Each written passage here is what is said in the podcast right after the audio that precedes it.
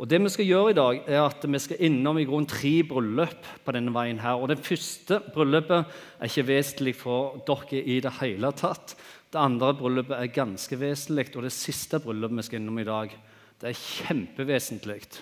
Helt avgjørende for oss alle. Og Vi skal snakke om relasjon i dag, og vi skal snakke om vår relasjon til Gud. Og jeg tror at mesteparten av oss vil være enig. og Jeg tror ikke du trenger å være kristen engang for å tenke at bønn og tro det henger helt i sammen. Hvis du tenker en relasjon med Jesus, er bønn veien.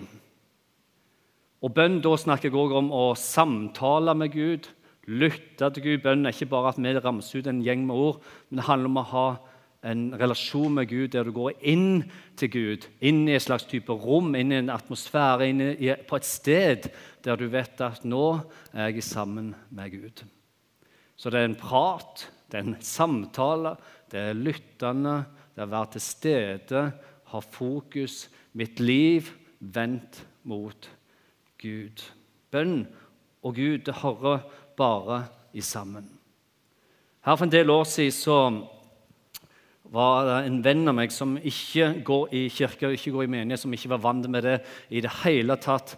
Han var i fotballmiljøet på Bryne, og han var veldig aktiv i dette miljøet og musikkmiljøet, noe som jeg også var. Så jeg kjente jo denne personen veldig veldig godt. Jeg hadde brukt mye tid i sammen med han. Og for han da, så var jeg blitt presten. Sant? Presten Jim og vennen Jim. Så når han skulle gifte seg og hadde funnet en kjæreste, så kom han og kjæresten eller han kom til meg og spurte om jeg kunne tenke meg å vie dem. Uh, og det uh, skulle jeg tenke på. Og så sa han men hvis du gjør det hjem, så lover jeg at du skal få lov, du og kona di skal få lov til å være med i århundrets bryllupsfest. sa han. Og Grunnen til det var jo at for jeg ble jo litt nysgjerrig, hva handler den bryllupsfesten om? siden du sier århundres bryllupsfest? Det var at De skulle ha et skikkelig hageparty. De skulle sånn hele gris som gikk, liksom, gikk rundt på flammene. der. Og så hadde de fått inn Eddie Eidsvåg til å være uh, toastmaster og konferansier denne dagen. Eddie er jo bror til Bjørn Eidsvåg, og han er jo ganske flink med ord uh, og kjapp med ord. Og så videre. Så som skulle bli århundres bryllup. Eh, når jeg hørte dette, så sa jeg ja med en gang. og Det var, her, det var ikke bare pga. grisen, det var ikke bare på grunn Eddie, men det var jo pga. at han var en venn av meg. til dette hadde jeg lyst til. Og hvis det noensinne, noen gang Jeg har vært i ei kirke med mest 200 mennesker, for det var masse folk. Han kjente mye folk. Hvis det noen gang jeg følte meg skikkelig alene som kristen, så var det midt i den kirka den dagen der. For jeg vil si, Nå, vet jeg, nå skal man ha respekt for alle menneskers liv og hvordan en opplever dette med tro. sant? Men sånn så for meg, da, når jeg så utover forsamlingen, så tenker jeg den forsamlingen her den var ikke vant med kirka. i hvert fall, hvis jeg kan si Det Det var ikke menighetsfolket for å si det sånn, som satt der. Og når bryllupet eller vielsen begynte, og de begynte å synge I dag så klapper vi, og heldigvis, for det fortjener virkelig lovsangsteamet. Det var veldig veldig bra. Så way to go. Uh, men når de var i kirka der, så hadde ikke de peiling på at de var, det var greit å klappe. liksom. Så når det kom til vielsen Jeg tenkte dette her var sykt stille. vielse, for Jeg pleier ikke å ha det. altså Det pleier å være litt stemning. sant? Men her var det tustens, altså. Og Så kommer vi til vielsen, og så liksom, da har vi bedt for dem, og så reiser de opp, og så pleier vi å si det at nå, nå, nå, liksom, nå er dere mann og, og hustru, liksom, og sånt, og, og, nå kan dere gi hverandre en klem eller et kyss hvis dere ønsker det. Og så ga de hverandre et kyss, og da pleier det i hvert fall å være stemning. sant? Men her var det dung. Så jeg måtte jo si til dem du, nå er det helt greit å klappe litt og høye litt hvis dere ønsker det.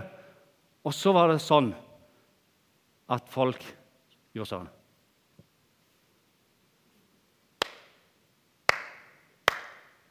Og Så begynte de å klappe, og så klappte det, og så ble det god gang på den klappinga der. Fordi etterpå skulle vi ha en sang, og etter den sangen var ferdig, så trengte jeg ikke si noen ting, men da var det full jubel i salen.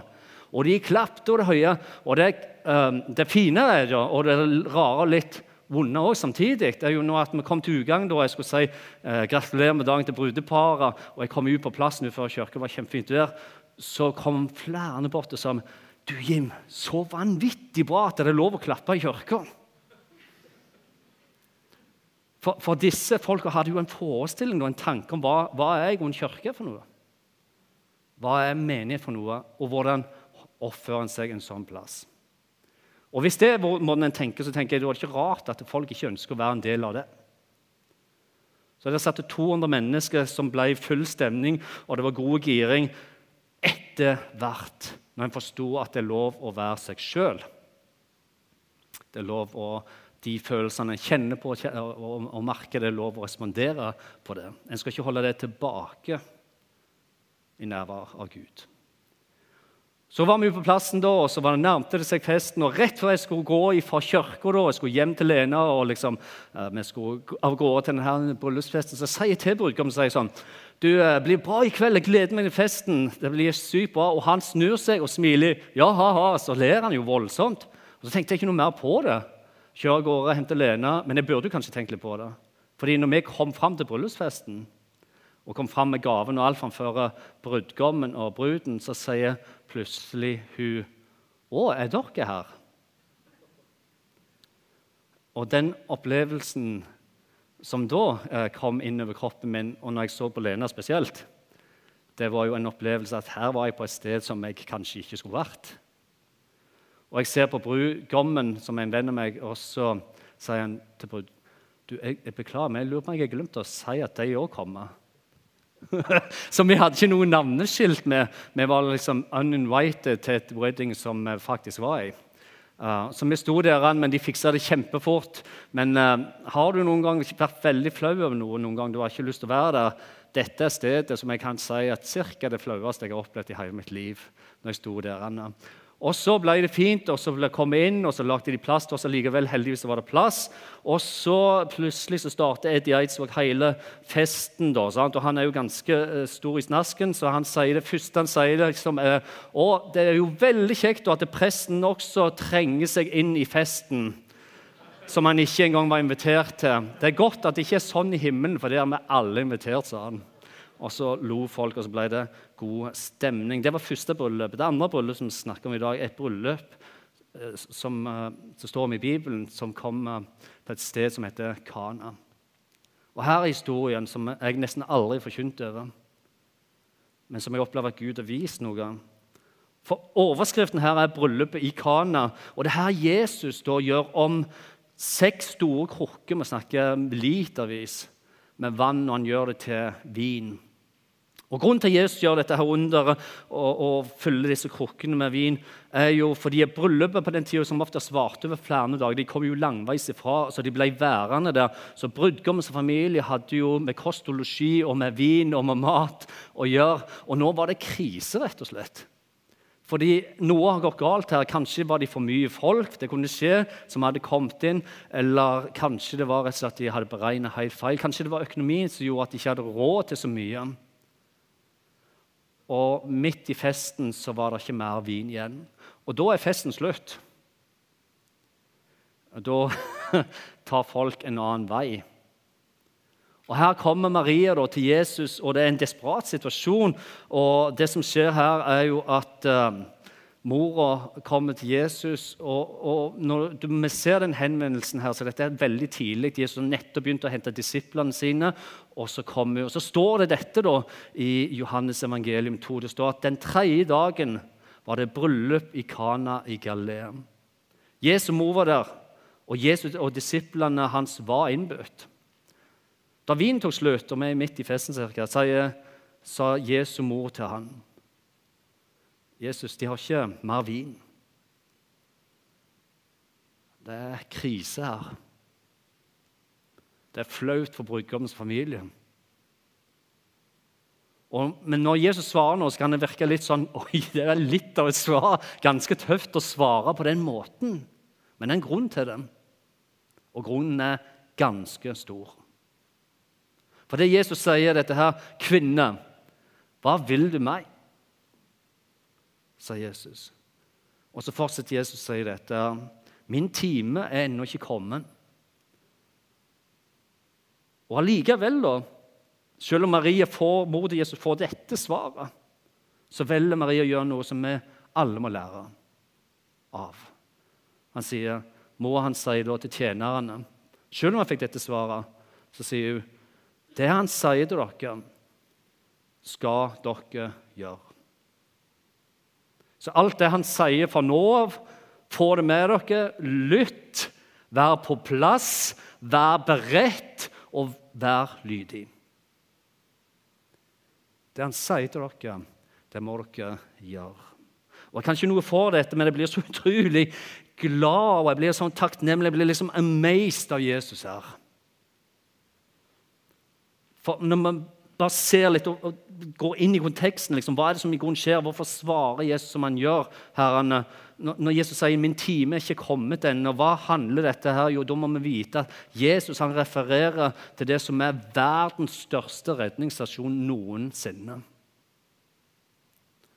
Dette er Guds frelsesplan han refererer til. Det er det Guds store og endelige frelsesplan. Det som han holdt på med i tusen år, tusenvis av år, for Adam og Eve sitt fall, når de synder mot Gud. Det er det Jesus refererer til. Det som han starta rett etter Adam og Eva sitt fall, og de måtte ut av hagen.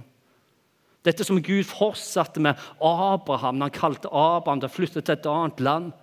Og han skulle få massevis av folkeslag sin, i sin nett. Og Måten som Gud skulle gjøre dette var på, var jo at han skulle velsigne israelsfolket på en helt spesiell måte.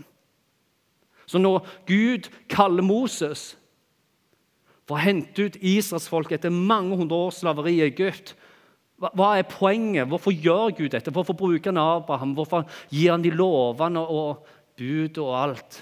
Jo, Det er fordi at Gud ønsker seg et folk som skal bli velsignet av han. I hans nærvær, i hans nærhet, så skal Gud velsigne dette folket, Israelsfolket på en helt spesiell måte. Slik at når resten av verden ser på Israelsfolket, så skulle de tenke hm, hva er det med dem? Hva er, det, hva er det de har fått tak i som vi ikke har, slik at, siden de er så velsigna og har det så bra? Hva er det de har fått tak i siden de er så intellektuelt smarte? Hva er det de har som gjør at det blomstrer nesten overalt hvor de er? Midt i ørkenen plasserer de der. Bom! Det blomstrer. Hva er det med dette folket her? Det var Guds plan. Det var det Gud startet. Og så kjenner vi historien. At igjen og igjen Eller vi som kjenner historien, ikke alle som kjenner historien, men de av oss som kjenner historien, vet at igjen og igjen så snur de ryggen til Gud. Og så vil de plutselig ta en konge istedenfor Gud. Og Gud gir deg en konge. Og så går det òg galt. Og det går såpass galt så mange ganger. Og Gud prøvde å rydde opp, fordi Gud har en stor frelsesplan for alle folkeslag. Men dette folket her det er ustyrlig. Det går den veien de bare kjenner og føler for og ønsker og begjærer sjøl. Som òg ender opp med at Gud må gå til det drastiske og si jeg sender heller min egen sønn. da. Og Gud sender Jesus. Og han velger Jesus til å bli Kristus, som er hans frelsesplan fra Adam og Evas fall. Og det er her vi kommer inn i historien her i Kana.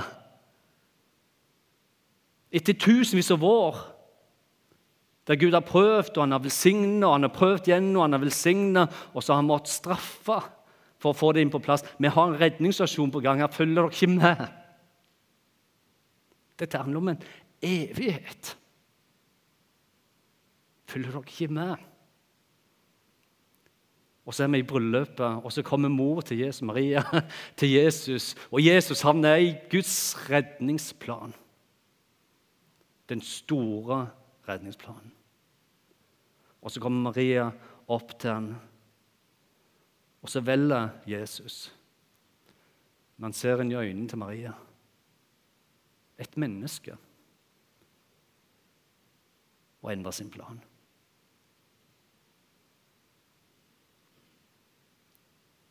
Det som Gud starta for flere tusen år siden. Min time er ikke kommet ennå. Dette var ikke Guds plan.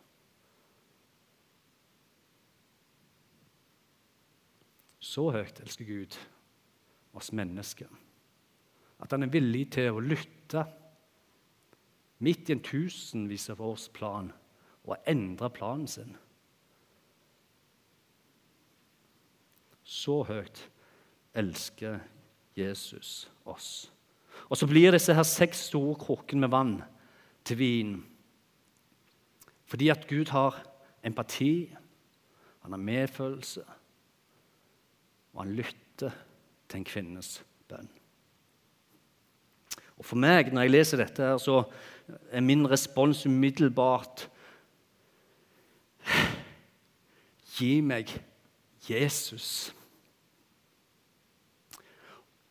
Og bare Jesus. Og ingen dårlig kopi. For det er min utfordring, og det er vår utfordring. Og spesielt vi som lever i en vestlig kultur. Det gjelder hele verden, men det gjelder oss spesielt. At vi tenker Gi meg det fort og gale. Gi meg en kvikksvis. Eller lær meg hvordan jeg nummer én, og så nummer to og så nummer tre skal få et resultat. Ja, Hvis jeg bare gjør det og gjør det og det gjør det Det er noen som lærer dette så må jo Gud velsigne meg. Og jeg bare sier det der, det holder ikke. For det er kun én ting som holder, og det er Jesus. Og det er vår relasjon til Han. Der vi får lov til å hvile i at vet du hva? Gud er fornøyd. Gud er fornøyd med den jeg er. Han elsker meg sånn som jeg er. Ja, Han ønsker at vi skal ha vandring og gå sammen, men Gud er fornøyd. Når Hans nærvær er her, så er det like sterkt i dag som det var i går. Eller når vi var på det møtet eller i det lønnekammeret. Hans medfølelse, hans empati og hans nærvær og hans stemme er like nærme våre liv som han var Maria den dagen der.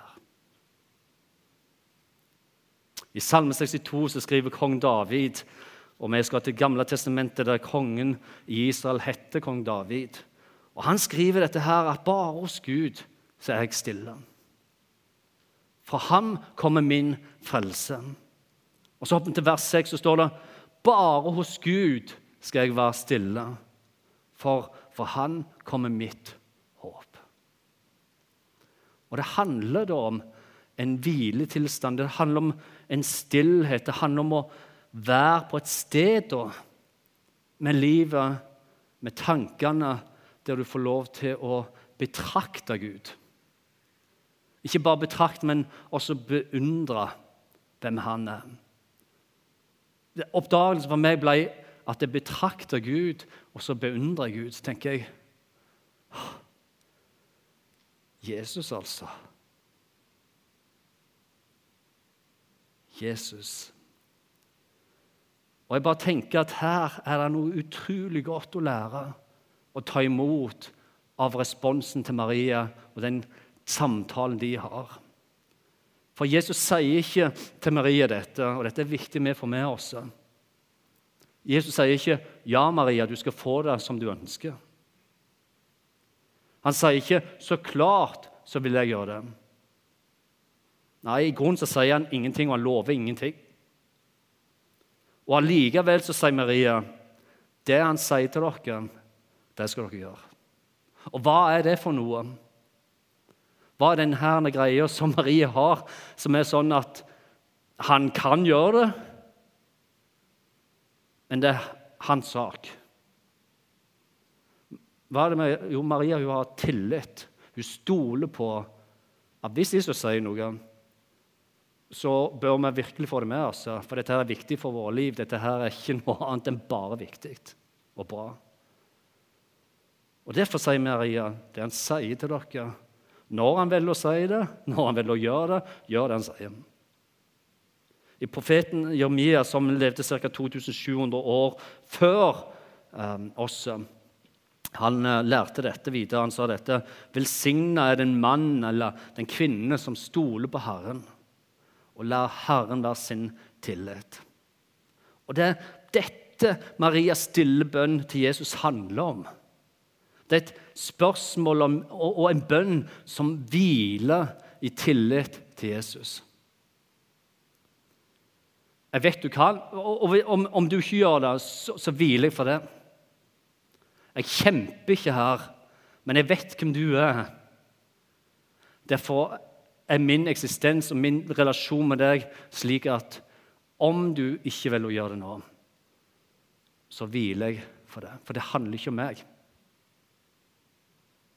Det handler ikke om jeg er god nok, om du er fornøyd med meg, om jeg ber på rett måte, om jeg har gjort nok en, to, tre. Ingenting av det er i Marias liv. Og det hun viser oss i denne greia, er at vi òg skulle ha hvilt og ha tillit til Han. At når Jesus gjør det, så gjør han fordi han velger å gjøre det. La oss ha tillit og la oss stole på at han er fornøyd, og at det ikke handler om oss. Mor Therese ble en gang spurt av en journalist om hva, hva sier du til Gud og mor Therese når du ber? Og Da var hennes svar dette. Jeg sier ingenting. Nei, jeg bare lytter. Så, så Journalisten forsto ikke dette, her, så spurte opp igjen og prøvde å forstå det. Men hva, du sier ingenting, men, men hva sier Gud til deg da når du lytter? Så svarte hun nei, han sier ingenting, han heller. Han bare lytter, han også. Og med en gang en hører dette, så kan en tenke at det er noe resignert over svaret. Har du gitt opp, eller? Men det er så langt fra sannheten som det er mulig å komme. Fordi dette handler ikke om mengder av ord som vi bruker i vår relasjon til Gud. Men om en årlig, lang relasjon og vandring der mor Therese har vandret sammen med Gud. Det er en relasjon der det ennå er mye å prate om, ja, men samtidig så er en dybde i dette vennskapet som er nærheten av at jeg er bare tilfreds av å være nær deg. Og For meg personlig da, så handler det om en stillhet der en betrakter, en bare beundrer Gud. Og Da kjenner jeg at jeg får en takknemlighet for at Gud er som Jesus viser i denne historien. Fordi selv om jeg mangler tilstedeværelse, selv om jeg ikke kommer til han, selv om jeg snur ryggen til han flere ganger, så er han alltid klar når jeg er klar. Og jeg bare tenker Hvor mange ganger har ikke det skjedd at jeg har sagt nei takk og jeg alltid får 'ja, kom'.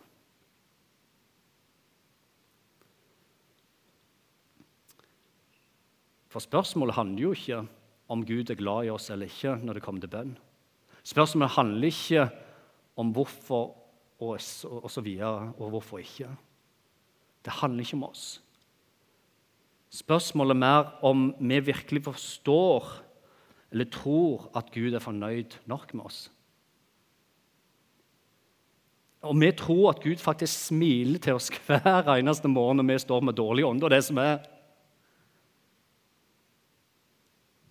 Og vi tror at Gud hviler med sine øyne på hver eneste en av oss. Det er det store spørsmålet. Men det er det som er sant. Det er det han gjør når han ser på oss. Gud er fornøyd.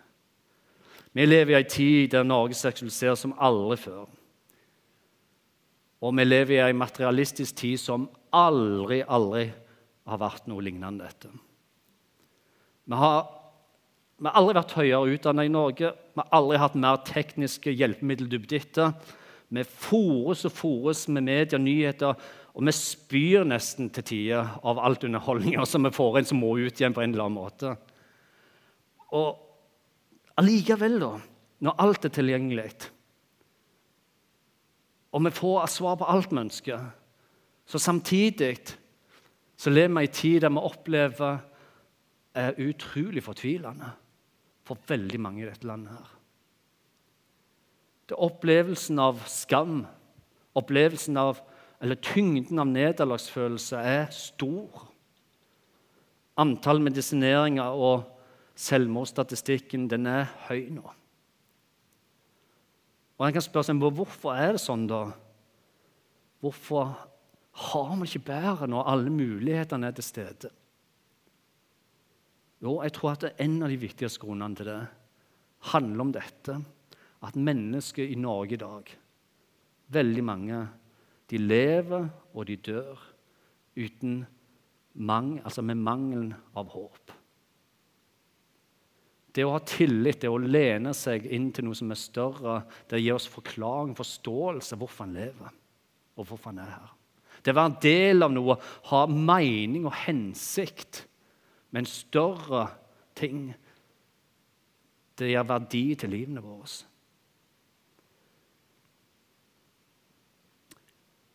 Jeg tror at sekulisering vi opplever i Norge i dag, som har kommet kjempest over oss da, den suger håp ut av fellesskap. Den suger håp ut av samfunnet, den suger håp ut av familier og oss mennesker. Om ikke vi velger å beskytte oss sjøl, eller velger å finne måter som hjelper oss til hva som gir mening og hensikt med livet, så blir du drogen av gårde. Og du mister kraften, identiteten og hvem du virkelig er i Guds øyne. Og Derfor så er det ikke bare bra for oss i denne tiden, men det er også veldig viktig at vi forstår at i Bibelen Antallet er ikke viktig her, men at vi forstår at det er, der, at det er 7487 løfter de funnet ut. og Jeg har ikke telt det selv, men at vi forstår det i dag. At Gud har gitt oss 7487 løfter, er kjempeviktig at vi forstår. For hva sier Gud disse løftene til oss? Jo, de sier at Gud ønsker å være nær. Han ønsker å gi deg noe. Han ønsker å være og bidra i våre liv. Og Noen av disse løftene har tatt meg kjapt herrene, og de handler om én ting som jeg har lyst til å avslutte med i dag. For det står dette her i brevbrevet. dette. La oss derfor med frimodighet tre fram for nådens trone, for at vi kan få miskunn og finne nåde til hjelp i rette tid. Og Hva handler dette her om? Jo, det handler om at Gud er fornøyd. Du kan komme helt inn til ham. Eller dette har ikke befalt deg, vær frimodig og sterk. Ja, frykt ikke, vær ikke redd, for Herren Gud er med deg i alt du tar deg for. Herren Gud er med deg i alt du tar deg for. Ja, men det gikk ikke så godt. Nei, men jeg har tillit ja, men jeg forstår ikke hvorfor gikk dette sunt. og hva? Ja, men jeg har tillit til at Gud også er der. Fortsette. Brødre, vi har altså i Jesu blod frimodighet til å gå like inn i helligdommen. Som Maria. Velg å forstyrre Gud i hans plan. Velg å gå inn helt inn og si, 'Gud, nå er det sånn'.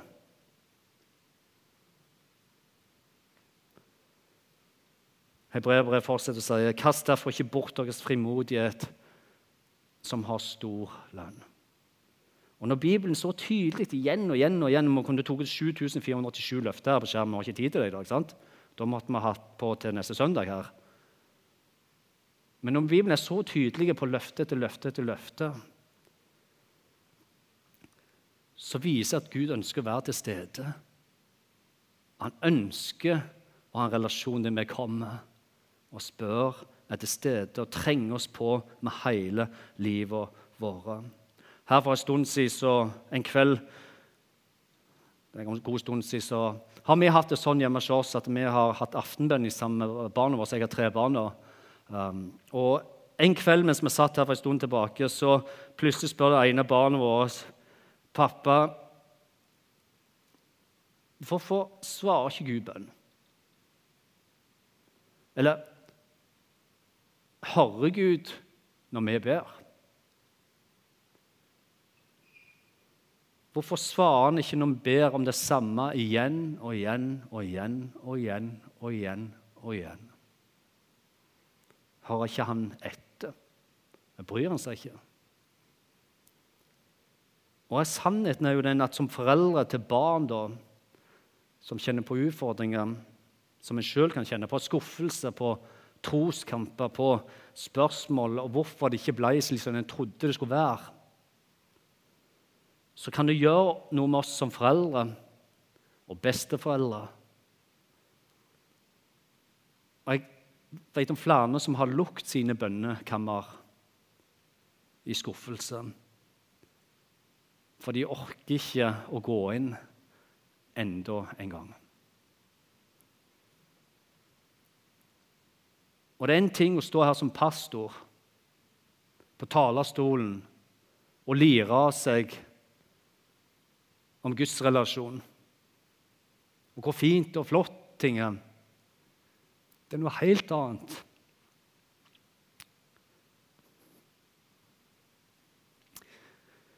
Når du sitter på sengekanten og du ikke har et godt svar som voksen til et barn som stiller spørsmål ved Guds eksistens.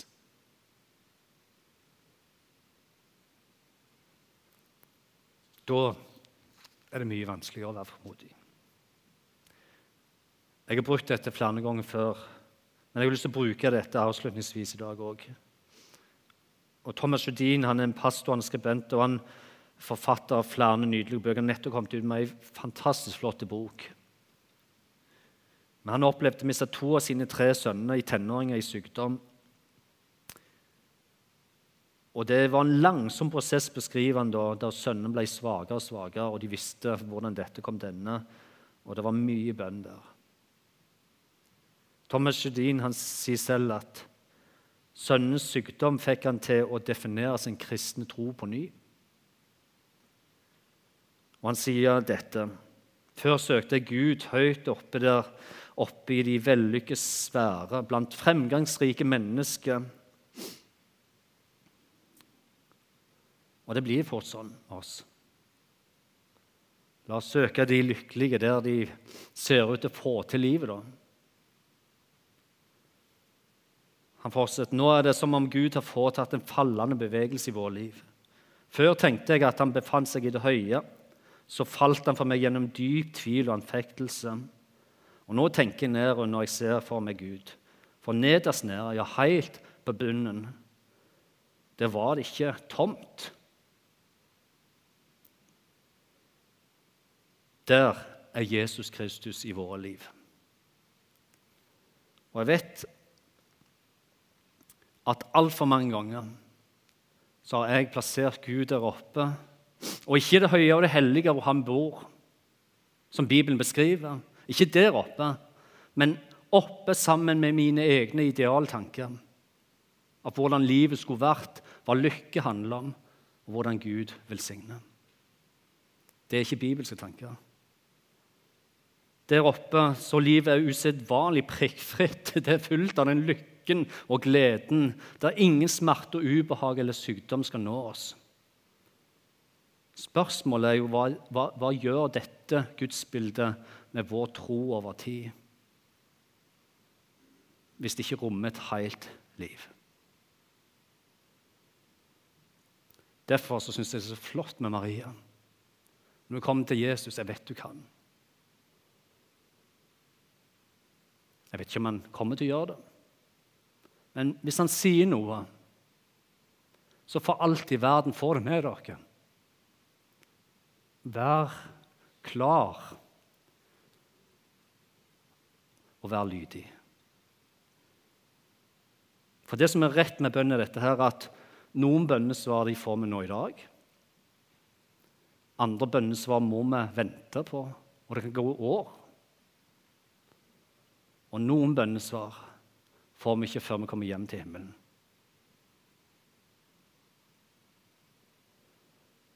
Og nå vet jeg hvordan det er med deg, men Kanskje er det sånn at du bærer med deg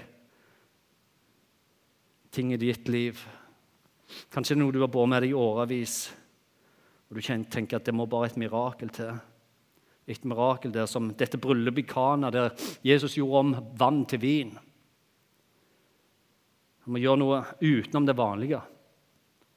Og Kanskje handler dette mirakel for deg om akkurat om dine barn eller dine barnebarn. Det må et mirakel til for å endre den situasjonen. Eller kanskje det handler om ekteskapet, om denne vandringen som vi hørte om i dag. Det må et mirakel til. Eller økonomien.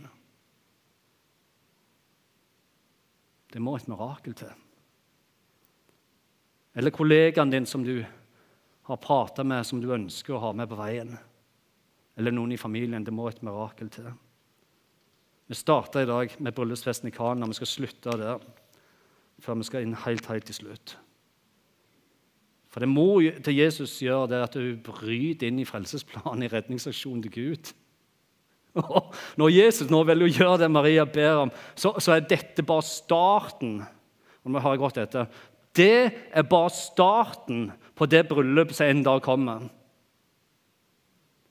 Da er det ikke snakk om seks krukker med vann som blir til vin. altså. Da snakker vi om cola. Nei, vet du hva? Jesus lover oss en bryllupsfest uten like. Og der slipper du å komme til brudgommen, og han sier, 'Oi, er du her?' Fordi hvis du tror på Jesus, så er han fornøyd med deg. Da er du hans barn. Da er du vel, skal du vite dette, denne bryllelsen her er jeg ikke bare invitert i, men her står mitt navn også skrevet i boka. Og Jesus han sier sånn som dette her La ikke hjertet deres mens dere lever her, bli grepet av angst. Tro på Gud og tro på meg. For sånn som det er, så i min fars hus så er det mange rom. Var det ikke slik, hadde jeg da sagt det til dere, at det går i stand for å gjøre et sted til for dere. Og når jeg da har gått og gjort det i stand et sånt sted for dere, så vil jeg komme tilbake og ta dere til meg, så dere skal være der jeg er. Det var, det var denne festen, det var denne bryllupsfesten Jesus kom ned for. Det var denne bryllupsfesten at Moses henta ut folket fra Egypt. Det var denne bryllupsfesten at Abraham valgte å flytte til et annet land. Det var denne bryllupsfesten Gud tenkte på når han starta verdens største redningsstasjon etter Adam og Eva falt. Og det var denne bryllupsfesten denne bryllupsfesten Jesus inviterte oss alle til. Amen. Der står hun. Ja, ja, men jeg trenger ikke klappe deg. Ja, tusen takk. Det er fint. Dette opplegger at Gud ønsker å si til menigheten i dag. Så jeg håper at du har fått med deg et oppmuntrende ord. Et godt ord. Jeg håper at du har sett noe av det som jeg så. Og det er godt å betrakte Gud og beundre Gud. Skal vi be sammen til slutt? Gode Far i himmelen, vi bare takker deg for din godhet. Takk for du ønsker bare det beste for vårt liv, Herre. Takk, Herre, for når Maria kom, Herre, så Åh, Det er så stort å tenke på at du endrer på planen din, Herre for et menneskes bønn. Takk for at du har empati og du har medfølelse, og du viser så mange sider i denne her saken etter bryllupet i Kana, Herren. Takk for din omsorg. Takk for du omslutter den som er i bønn. Herre. Takk for du omslutter alle barna våre, Herre. Familien vår, Herre. Du har bare gode tanker for den enkelte av oss. Så ber vi, Herre, for våre liv og de rundt oss, familie og venner, Herre. Om at vi får lov til å se det bildet av deg, Herre. En god Gud som elsker, og som forbereder et sted for den enkelte av oss. Takk, Herre, for ingen er utelatt, alle er invitert. Ja. Takk, Jesus, for din godhet. I Jesu Kristi navn.